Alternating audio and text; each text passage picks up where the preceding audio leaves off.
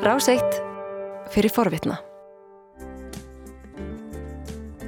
Sæl og ný, þetta er morgunvaktin á Ráseitt, klukkan réttliðilega hálf átta, það er 50 dagur í dag, 14. september.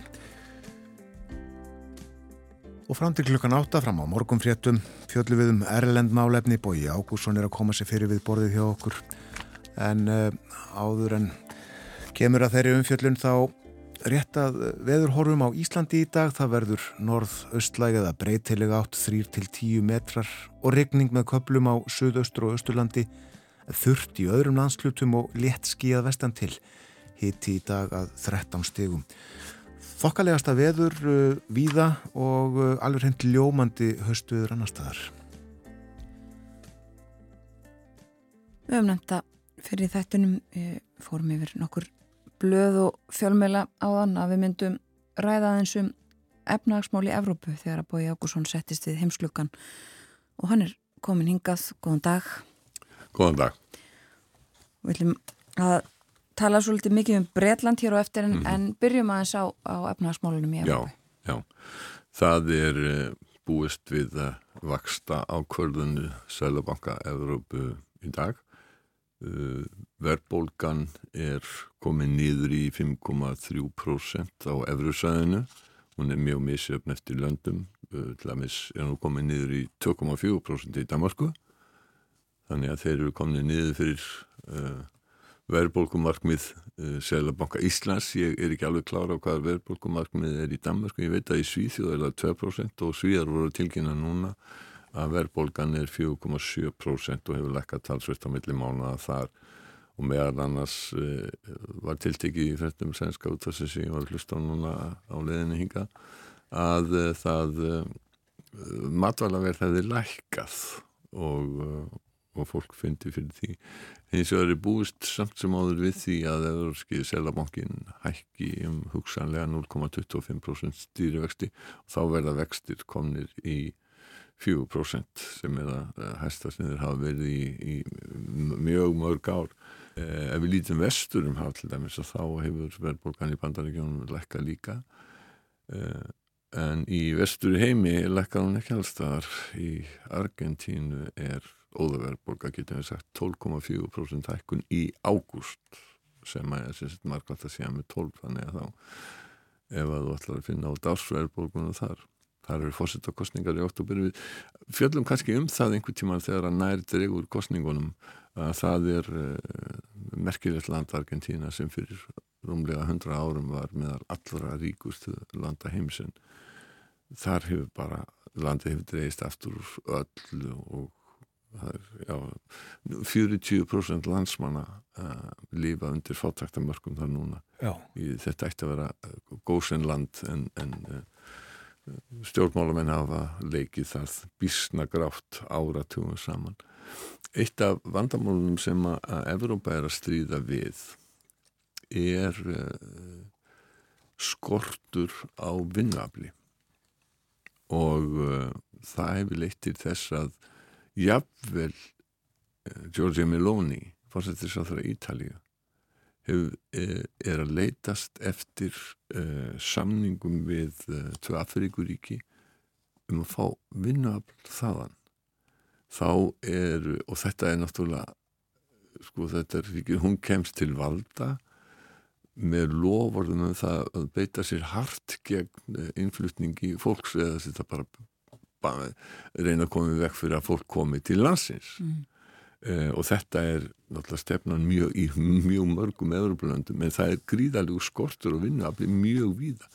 Danska vinnveindarsamband hefur farið fram og það við stjórnum að þau gerir ástafnætli þess að uh, það komi 50.000 manns til vinnu í Danmarku sko á Ítalíu sko alla ríkistjórnar undarföldna á Ítalíu hafa verið reynd að hefta uh, innflutning fólks en tekist afskaplega lítið og enda eru Ítalið náttúrulega þannig í sveit settir bara landsræðilega að fólk sem er að flýja yfir miður að hafa frá Afríku það kemur til Ítalið, það kemur til Spána það kemur til Gríklands en, en, og þetta hefur verið mjög ábyrgand á Ítalið en, en um, e, einhvað síður og þá er það nú svo komið að eh, Meloni og hennar stjórn er að leita eftir samningum við allavega fílabinströndinni, maður ekki hvað hittir ekki var það sem þau er að hugsa og stundum að þá verður manni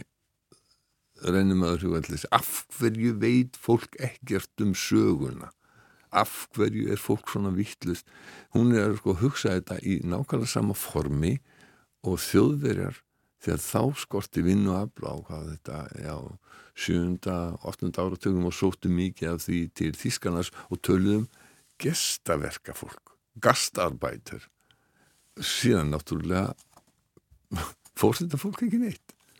Þannig að e, þetta er nákvæmlega sama og í Breitlandi er, er líka er, skortur og vinnaflega þannig þetta, þetta er óskaplega skvitt Já, og það var nú aldrei sluti af einmitt uh, bresku brexit og því einmitt þessi innflytjanda málatsömmul og þetta er mikið til umræði núna.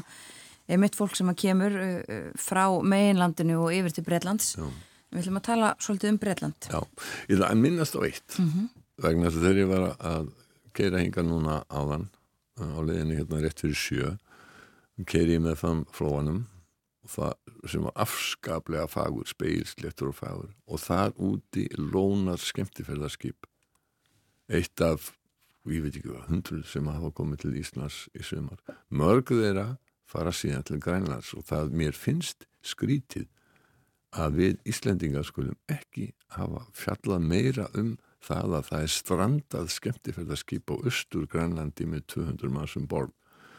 Sko næsta varskip er Íslenskt var ég þessi þór mm -hmm. í hvað rúmlega eins eða háls annars sólarhinga hérna, siglingu frá þessum strandstað. Veðrið er gott en hvað ef að veðrið versnar skindilega við erum við fjöllum ekki neitt um þetta. Þetta var, var fjallaðum þetta í NBC-frettunum í, í bandarækjumni í gær. Já.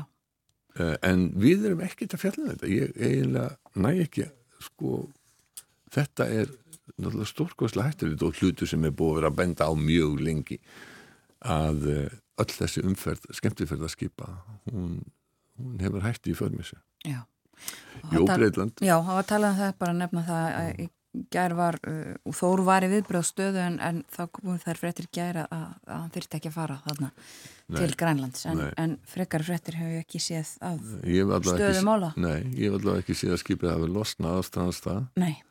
En og hvað á að gerast ef, ef, ef, ef það tekst ekki, hvernig á að bjarga þessum fartum Já, ummitt Við fylgjumst með þessu en förum til Breitlands, já, já.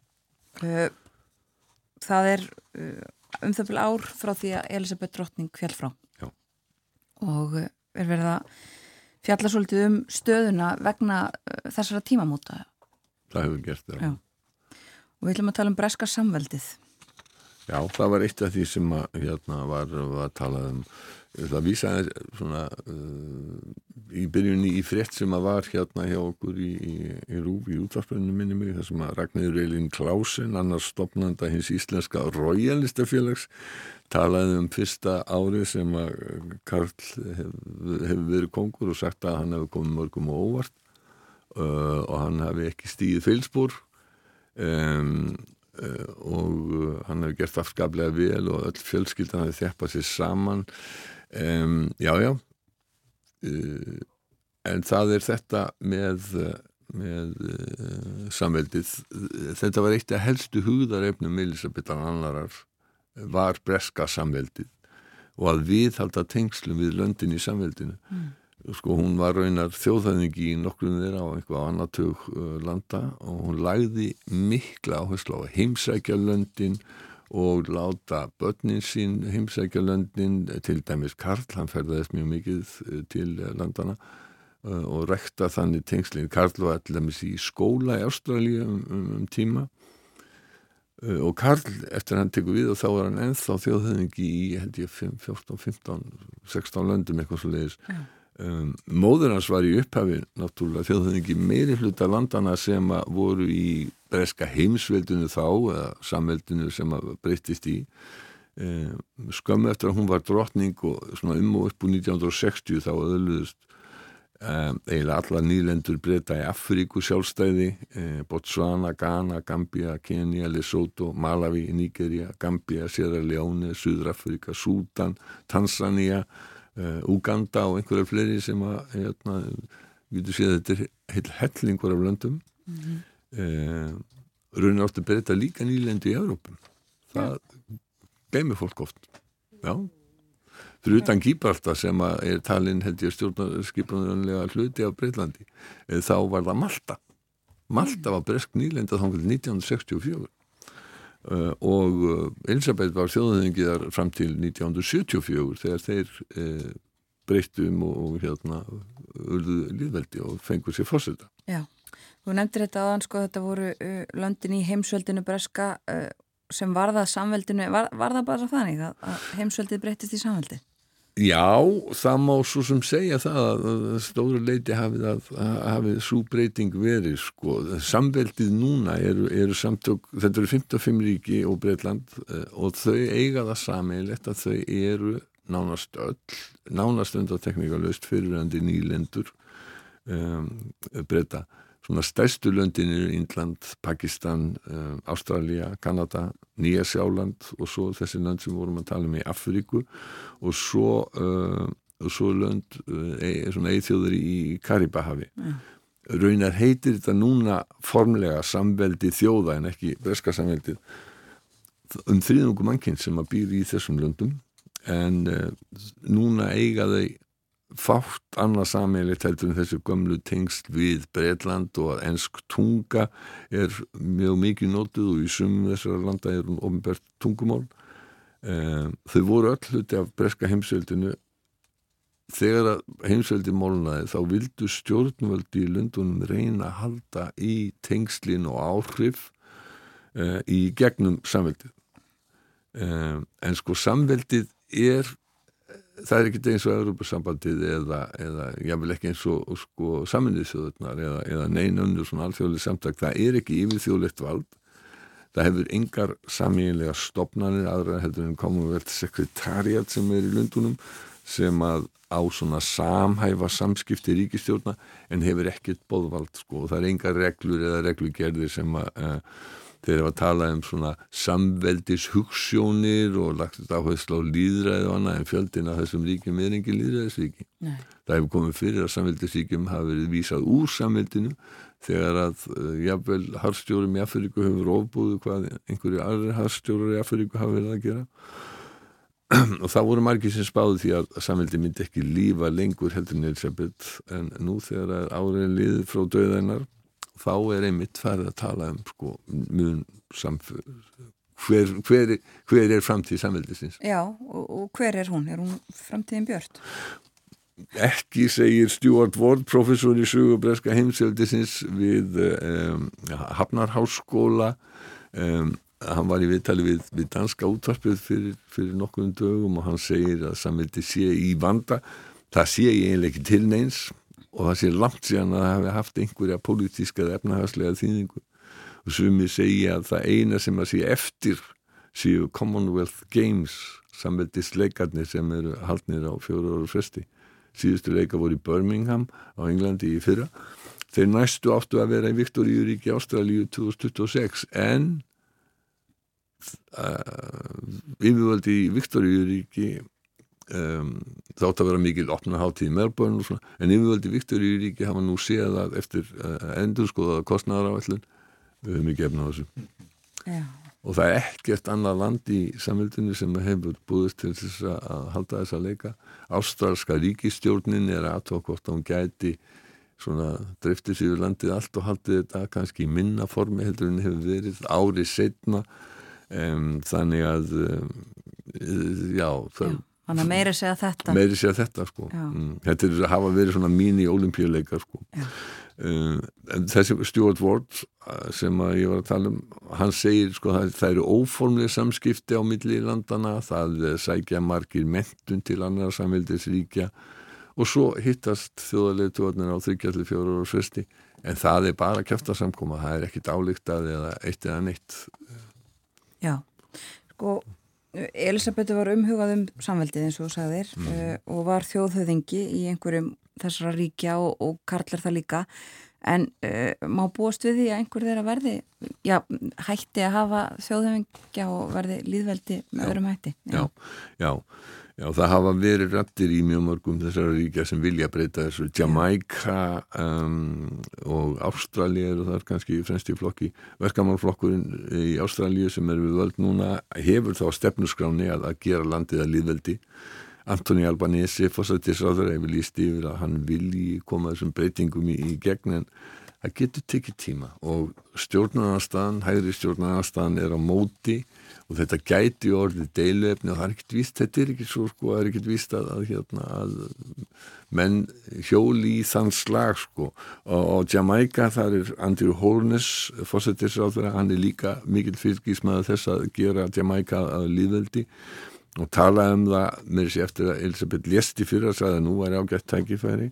Og það hefur líka aukið þristingina og Jamaica, Granríki í Kariba hafið Barbados varð líðveldi í hitti fyrir áður en Elisabeth dó.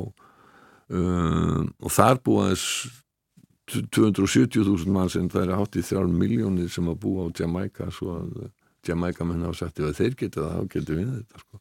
en þar er aftur, sko, þar er deilu líka, sko, þú veist, það þarf að gera stjórnarskrárbeitingu ef við gerum stjórnarskrárbeitingu á eigum við þá að gera svona eins og sumi segja Íslendingar hafi gert 1944 taka át orðið kongur og setja orðið fósitt í staðin þá eru margi sem vilja nota tækifærið og segja nei, nú skulum við breyta stjórnarskráni en þá komist að því að, það er auðveldara eins og við þekkjum á Íslandi að það er ekkit auðveld mála að breyta stjórnarskrá. Aldeilis, mm. En hvað með breyta og Karl konung sjálfan? Sko breytum eh, Karli konungi er já, virðist vera slett sama getum við sagt, það er laung hefð á því að kongur eða drottningi Breitlandi skipti sér ekki að politík og Karl, hefur, eh, og Karl segir það gildi, eh, gildi líka um samveldisíkinu, auðvitað gerum við það ekki sko, og, hann, og hann hefur sagt að þetta séu fullveitaríki þau verða ákveða sjálf hvort þau vilja halda áfram að verða konungsríki eða líðveldi mm. og hann var spurðið um þetta í heimsók til Kanada fyrir nokkurum árum. Og spurðið hann alltaf þú að verða kongur í Kanada? Þá var hann bara svona hálf pyrraða við og sagði nei, það er ykkar að ákveða það. Ég skal uppfylla skildurna sem kongur ef að löndin vilja en það er ykkar að, að ákveða það sko. Hefur hann farið í heimsóknir að ræða við fólk í, í samveldinu? Nei, það var ekki aðtegla, hann hefur ekki farið í neina ofnbæra heimsók til neins samveldisríkis heldur ekki ríkis þar sem hann er ofnbærlega þjóðhauðingi hann ætlaði, sko utanlandsferðir hans hafa verið hann ætlaði fyrst til Fraklands, var það hætta við það vegna óverða sem voruð, hann er fyrsta utanlandsferðin var til Þískanars, hann hefur farið einhverja fleiri Európuríkja, minni mig er, er ekki alveg kláraði sko það eru með sér sumi sem að telja mér vilji forðast að fara allir samvildisíkjana til þess að veki ekki upp umræður um, um og deilur um, um stjórnskipula ríkjana mm. uh, sko svo þetta er ekkit mál fyrir flestum. Í Kanada þá segjast 40% vilja landi verði líðveldið hinn er að það verði áfram konungdæmi eða er sama þetta er ekkit heitt deilefni þar nýja nokkur starf annar staðar í runni í Kanada er það hins vegar þannig að það er mjög erfitt að breyta breyta þessu ef maður rétt og þá, þá þarf meiri hluta í öllum ríkum landsins uh, í þjóðaratkvæðagreyslu að loknu ferli í þinginu. Það þarf þjóðaratkvæðagreyslu líka í Ástralíu, líka á Jamaica mm. og spurningi er sko nennamenn að fara í að æsa upp deilur um eitthvað sem að, sem að skiptir einhver stóru máli mm. en hver verður þó framtíðin, framtíð samveldisins? Sko, maður bara halda fram að það haldi áfram á gömlu vana það, það, eins og ég segi, það flækist ekki fyrir neinum, veldur ekki deilum Eh, og eins og Stuart Ward sem vittnaði hérna á hann að hérna, sæði þetta í viðtali við sýstur þátt morgunvaktarinnar í Damarsradjó það vil enginn verða síðasti maður út og slakka ljósin En hvað með breyta? Hvað finnst þeim um, um samveldis? Sko breytar voru heimsveldi lengi vel og, og, og, og breska heimsveldi var lengi vel mjög mikilvægt í þjóðarvitund þeirra. Um og þeir voru lengi þeirra skoðana, skoðanar þeir væri Guðus útvalda þjóð sem ætti að leiða heimsbyðina til þróunar og framfara og vorkendi þeim sem voru ekki breyta þeir eru náttúrulega þjóð og afstæðanga hvort Evrópu var að deila og drotna en skipta sér ekki af meira heldur en allra nöðsynlegast væri. Sjá til þess að ekkert eitt rík í Evrópu væri að, að deila og drotna um, Þannig voru frakkar lengi í höfuð óvinnun og svo þegar þjóðverður verður sterkasti á meginlandinu þá verður þeir höfuð óvinnun og það má ekki gleyma því að breytar og frakkar frá svona miðöldum og fram til e, fram meðu Napoleonstyrjun þá voru árin fleiri þess að það voru í stríði heldur en það sem að fríðu voru á millið landana. Þetta var eilíf styrjun þarna á, á, á, á millið þessu sko. Um, þessi hugsanarháttur hann eimir eftir, eimir eftir honum og til dæmis partur af því að, að þeir kursu brexit þetta eimir aðal og svona með að lífistjættarina svo heyri maður einan þjóðundinis reymbing greinilega á lokatónleikum promsháttíðar BBC sem að voru núna uh, um, á lögadaginn Last Night of the Proms. Þar kyrjar fullur salur í Albert Hall Rule Britannia, Britannia rule the waves Britons never ever will be slaves. Þetta er náttúrulega hlálegt vegna þess að þeir neftu miljónir manna í, í, í þrældum en, en hérna en uh, það sem hefur hérna borðið vakið aðtegl líka er að, að á undanfjöldum árum að þá hafa menn verið að veifa Evrópaflökkum það hefur verið algengt að veifa breskafánum en frá Brexit hefur verið mjög mikið af Evrópaflökkum veifað í, í, í Albert Hall Já Á þessum tónleikum? Á þessum tónleikum og það er fólk sem að vil hérna, þetta fyrir töðarnar á Brexit sinum Daily Telegraph hérna, spilaði til dæmis eh, nei, eh, krafðist þess til dæmis að það er rannsókn á þessu máli. BBC segir þetta fyrir ekki fólk fær að hafa þá fána sem að það vil Já, en uh, voru þessi tónleikar eitthvað skonar þjóðurnis óður, breskur? Nei, við getum ekki sagt að þetta var bara mjög skemmtileg fjöldasamkoma og það var allir norsk sóbranssöngkona Lísa Davisen sem var aðalnúmerið, hún söngur úr Britannia og hafði áður sungið alveg indislega uh, Bakianas Brasiliaras nr. 5 sem er aðrið fyrir sóbrann og cello eftir heitur Villa Lobos, brasilíska tónskáldi Um, það var Marín Alsop sem var bandarískur stjórnandi sem var þarna sko. Og, og hérna þannig að þetta var all, alls ekkert sko en hefðbundna dagskráðin þarna undir lokin er svo að uh, það er sungið Rúl Britannia, það er sungið í Jérúsalem sem er, er svona eila sálmur, ljóð eftir William Blake og lægið eftir Sir Rupert Parry. Þessu kynntist ég fyrst já, já. Í, í útgáfu Emerson Lake og Palmer Heyr, heyrum aðeins í þessu, þetta er uh, Land of Hope and Glory af þessum tónleikum. Af þessum tónleikum og maður getur sko heyrt stemminguna þarna og í lokin heyru við afkynningu Katie Derham Hlustum á þetta, takk fyrir í dag Bói Ákusson